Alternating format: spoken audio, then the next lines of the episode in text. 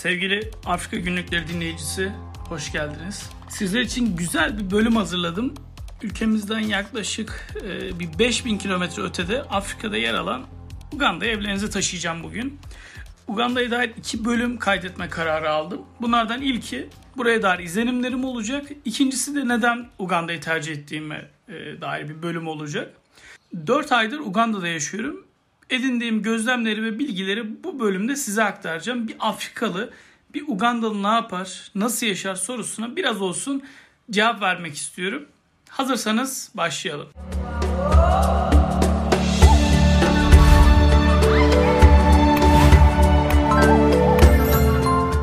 Öncelikle e, sesimde biraz kısıklık olabilir. Yeni hastalıktan çıktım. Biraz sarstı. E, onun için affola diyorum.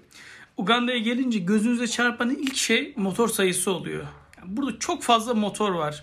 İnsanlar genelde ulaşımlarını motorla sağlıyorlar. E, motorların yerel adı da boda boda. Motorları kullanan kişilere de bodaman e, deniyor. Boda bodadan mülham şekilde.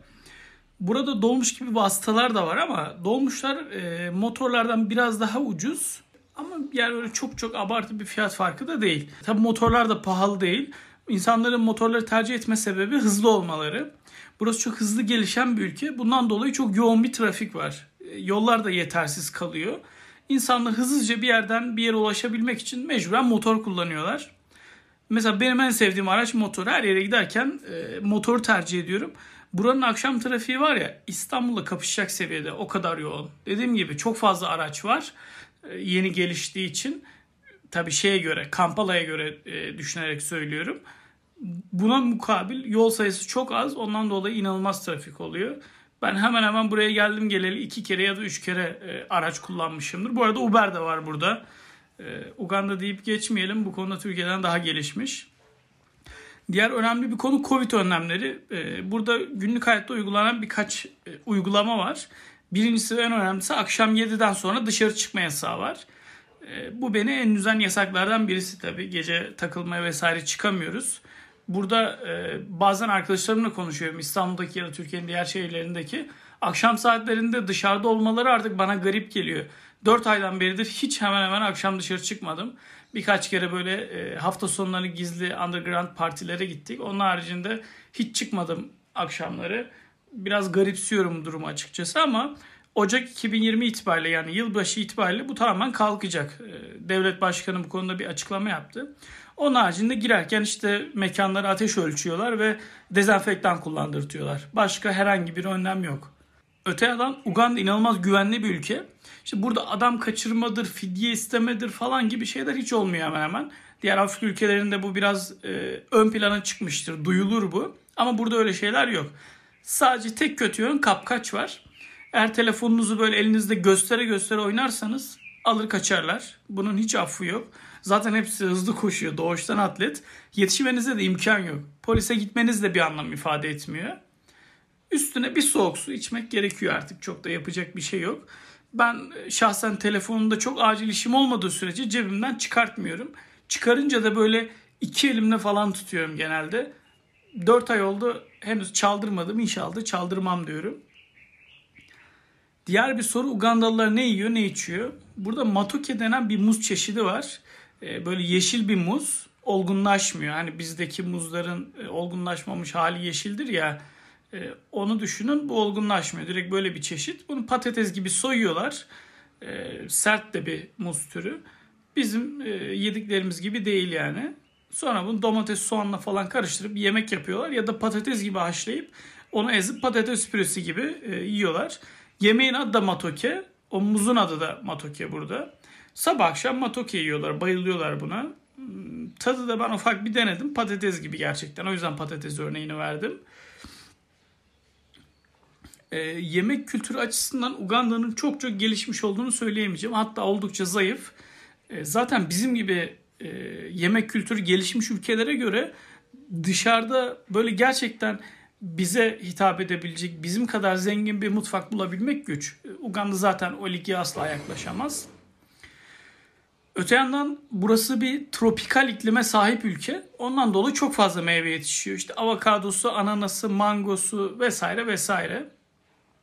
Mesela avokado Türkiye'de yıllardır e, zengin yemeği olarak adlandırılır ya. Burada fakir yemeği. Yani bir avokadoyu biz burada 1000 şiline alabiliyoruz. 1000 şilin de şu an 3 lira falan yapıyor.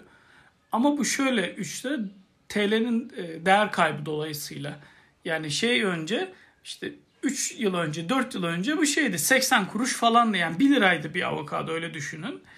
Tabii yerliler bunu daha ucuz alıyorlar bizden. Ee, biz burada beyaz olduğumuz için biraz fazla ödüyoruz ister istemez. Bizdeki turist hesabı turisti görünce e, affedersiniz ama o geçiren esnaflar, taksiciler gibi bunlar da bize burada geçiriyorlar. Tabii beyaz demişken şunu da söyleyeyim. Burada insanlar birbirlerine şöyle hitap ediyor. Erkeklere sebo, kadınlara niyabo deniyor. Bu bay ve bayan anlamında kullanıyor. Kibar bir söyleyiş bu arada. Bay ve bayan anlamında kullanılıyor böyle. Kibar bir söyleyiş aslında. Bize de yani beyazlara da muzungu diye hitap ediyorlar. Yani biri bizi görünce hey falan derken işte hey muzungu e, falan diye devam ediyor. Bu arada Instagram'da gittiğim kafeleri paylaşıyorum. Takip edenler görüyordur. Burada çok fazla Avrupalı var. Biz burada bu arada Instagram'da gittiğim kafeleri paylaşıyor. Takip edenler görüyordur. Burada çok fazla Avrupalı var. Ee, insanlar burada işte sivil toplum kuruluşunda çalışmak için geliyorlar. Veya ticaret yapmak için geliyorlar. Çünkü Afrika'da çok fazla genç nüfus var. Gelişime yeni başlamış ve inanılmaz potansiyel barındıran bir yer. İşte ticari anlamda, inşaat anlamında, teknoloji anlamında vesaire büyük potansiyeller var. İnsanlar da buraya gelip bu potansiyeli değerlendirmek istiyorlar. Tabi sadece Avrupalılar değil, inanılmaz bir Çinli akını da var. Dışarıda gezerken bir sürü Çinli görürsünüz ve bu çok normal. E, tabi bu Çinliler beraberinde büyük paralar getiriyorlar, büyük şirketler kuruyorlar vesaire. Bu Uganda'nın elbette ki insanına yansıyor ama Uganda'daki gelir durumu ve işte gelir hiyerarşisi şöyle sınıflandırılıyor. Burada orta gelir grubu hemen hemen yok. Yani ya üst gelir grubu var ya alt gelir grubu var. Üst gelir grubu genelde 1000 dolar, 1500 dolardan başlayan kazançlara sahip insanlar. Ve çok iyi imkanlarla, inanılmaz imkanlarla yaşıyorlar. Alt gelir grubu da işte 150 dolar, 200 dolar gibi e, asgari ücrete çalışan ve hayatını bunu idame ettiren insanlar. Genelde kenar mahalle dediğimiz yerlerde işte çok küçük bir oda e, gibi oluşan evlerde yaşıyorlar. Günlük yeme içme ve barınma üzerinden hayatlarını organize eden insanlar yani öyle söyleyebilirim. Merak edilen öteki konu gece hayatının nasıl olduğu. Burada Kololo denen bir bölge var. Bizim bebek gibi bir yer olarak düşünebiliriz. Zenginlerin yaşadığı. E, orada çok fazla gece kulübü var. Tabii şu an hepsi kapalı ama normalde gece hayatı oldukça aktif burada. Mesela buraya dair bir öteki ilginç yön burası 1962'de bağımsızlığını kazanana kadar uzun yıllar İngiliz sömürgesi olarak kalıyor. Bu da beraberinde birçok İngiliz alışkanlığını getiriyor. Yani burada direksiyon sağda ve trafik soldan akıyor. Bizdekinin tam tersi. Bu benim biraz kafamı karıştırıyor. Karşıdan karşıya geçerken hani normalde sağa sola falan bakıyoruz ya biz. Burada tam tersine bakmak gerekiyor. İşte yola atlıyorum sağa bakacağım araba soldan geliyor falan. Bu, bu bayağı şey oluyor benim için. Karmaşa yaşatıyor. Öte yandan burada kocaman bir göl var. Victoria Lake, Victoria Gölü. Bu Marmara Denizi'nin 8 katı büyüklüğünde e, ve bunun büyük bir çoğunluğu Uganda'nın içerisinde yer alıyor. Tabi bunun Tanzanya'ya da sınırı var bunun. E, öyle kocaman bir göl. Uganda'nın dini yapısını sorarsanız ülkenin yarısı Hristiyan, yarısı Müslüman diyebiliriz hemen hemen. Yani bu zaten burada çok böyle e, Müslümanlık ve Hristiyanlık diye iki keskin çizgiyle insanlar ayrılmıyor. Burada daha çok kabile üzerinden insanlar ayrılıyorlar. Yani Müslüman olması ya da Hristiyan olması insanlar için çok bir anlam ifade etmiyor.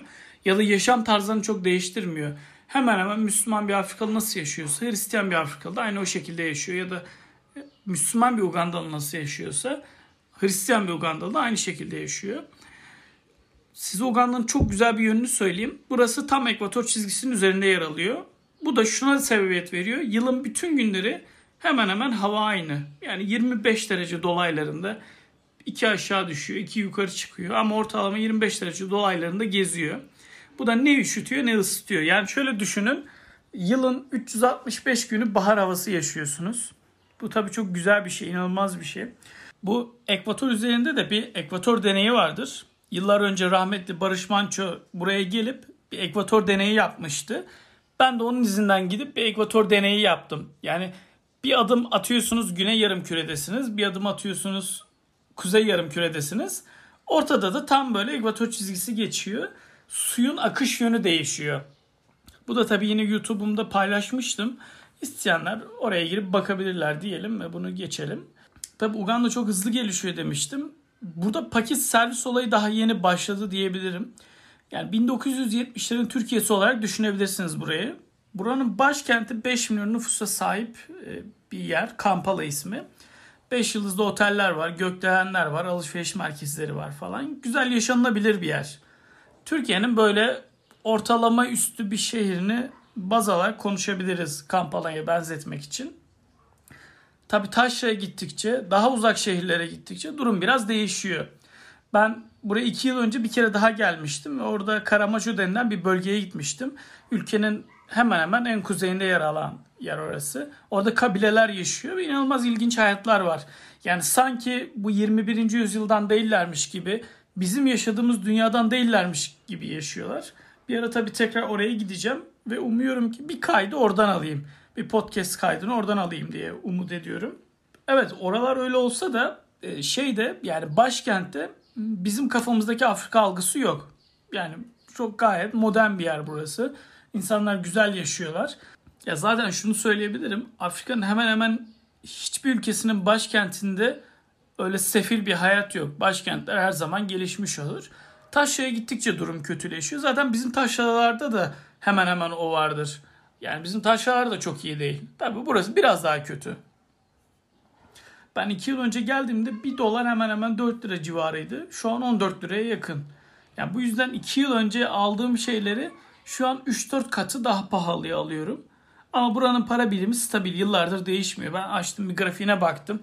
Hemen hemen 10 yıldır aynı diyebilirim. Bazı evet, ufak dalgalanmalar oluyor ama yani bizdeki kadar işte 4'ten 14'e çıkmıyor öyle söyleyeyim. Enflasyon hemen hemen yok denilebilecek düzeyde. E, alım gücü gayet iyi. Yani ben burada hemen hemen İstanbul'da yaşadığım paraya gayet konfor içerisinde yaşayabiliyorum diyebilirim size. Mesela tek başına iki katlı müstakil bir evde yaşamak isterseniz bin dolar gibi para veriyorsunuz. Aslında bu Türkiye için büyük bir para olarak gözükebilir şu an kurdan dolayı ama yani yıllar öncesini düşünürseniz birkaç bin lira paraya gayet böyle güzel müstakil bir evde yaşıyorsunuz. Burada aslında ben çok büyük rakamlar harcamıyorum dediğim gibi. Yani İstanbul'da orta düzey yaşam sürerken burada o rakama üst gelir grubuna dahil olacak şekilde yaşam sağlıyorum diyebilirim. Bir diğer ilginç şey burada açık havada sigara içmek yasak. Devlet bu konuda çok sert. Asla açık havada sigara içemiyorsunuz. Bir ara bir Türk arkadaşımız evimize misafir olarak geldi. Yemek yedik. Sonra yemekten sonra bir sigara yaktı. Ben mutfakta çay demliyordum. Bir koku geldi böyle. Aa dedim ne bu koku falan. Unutmuşum sigaranın kokusunu. Çok garipsedim. 4 aydır hiç koku almadım çünkü. Öte yandan alkol tüketim burada çok yüksek. İnsanlar alkol tüketmeyi seviyorlar. Lokal biraları var onları içiyorlar. İşte araba fiyatları hakeza çok ucuz. Yani ortalama bir arabayı 5000 dolara alabiliyorsunuz. Ama bunu şöyle düşünün yani 5000 birim olarak düşünün. Bizim e, dolar kurumuza çarpmayın çünkü bize durum çok kötü. Yani 5 birim gayet iyi rakam. Çok fazla Toyota var. E, yani 10 tane arabadan belki 11 tanesi Toyota'dır. Burası Orta Doğu değil ama neden bu kadar Toyota var onu da anlamış değilim. İnternet nasıl derseniz burada birkaç tane güzel e, telekomünikasyon şirketi var. Bunların internetleri gayet iyi. Ben Airtel isimli şirketin hattını kullanıyorum. 4.5G çekiyor. Görüntülü görüşüyorum. Zoom'a bağlanıyorum. Hiçbir sorun yaşamıyorum. Mükemmel.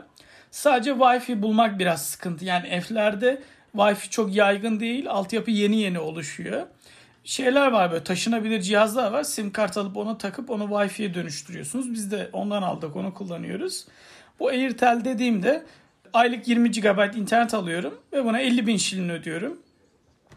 O da ne kadar tekabül ediyor? 15 dolara tekabül ediyor. Türk lirası olarak da 150 liraya tekabül ediyor.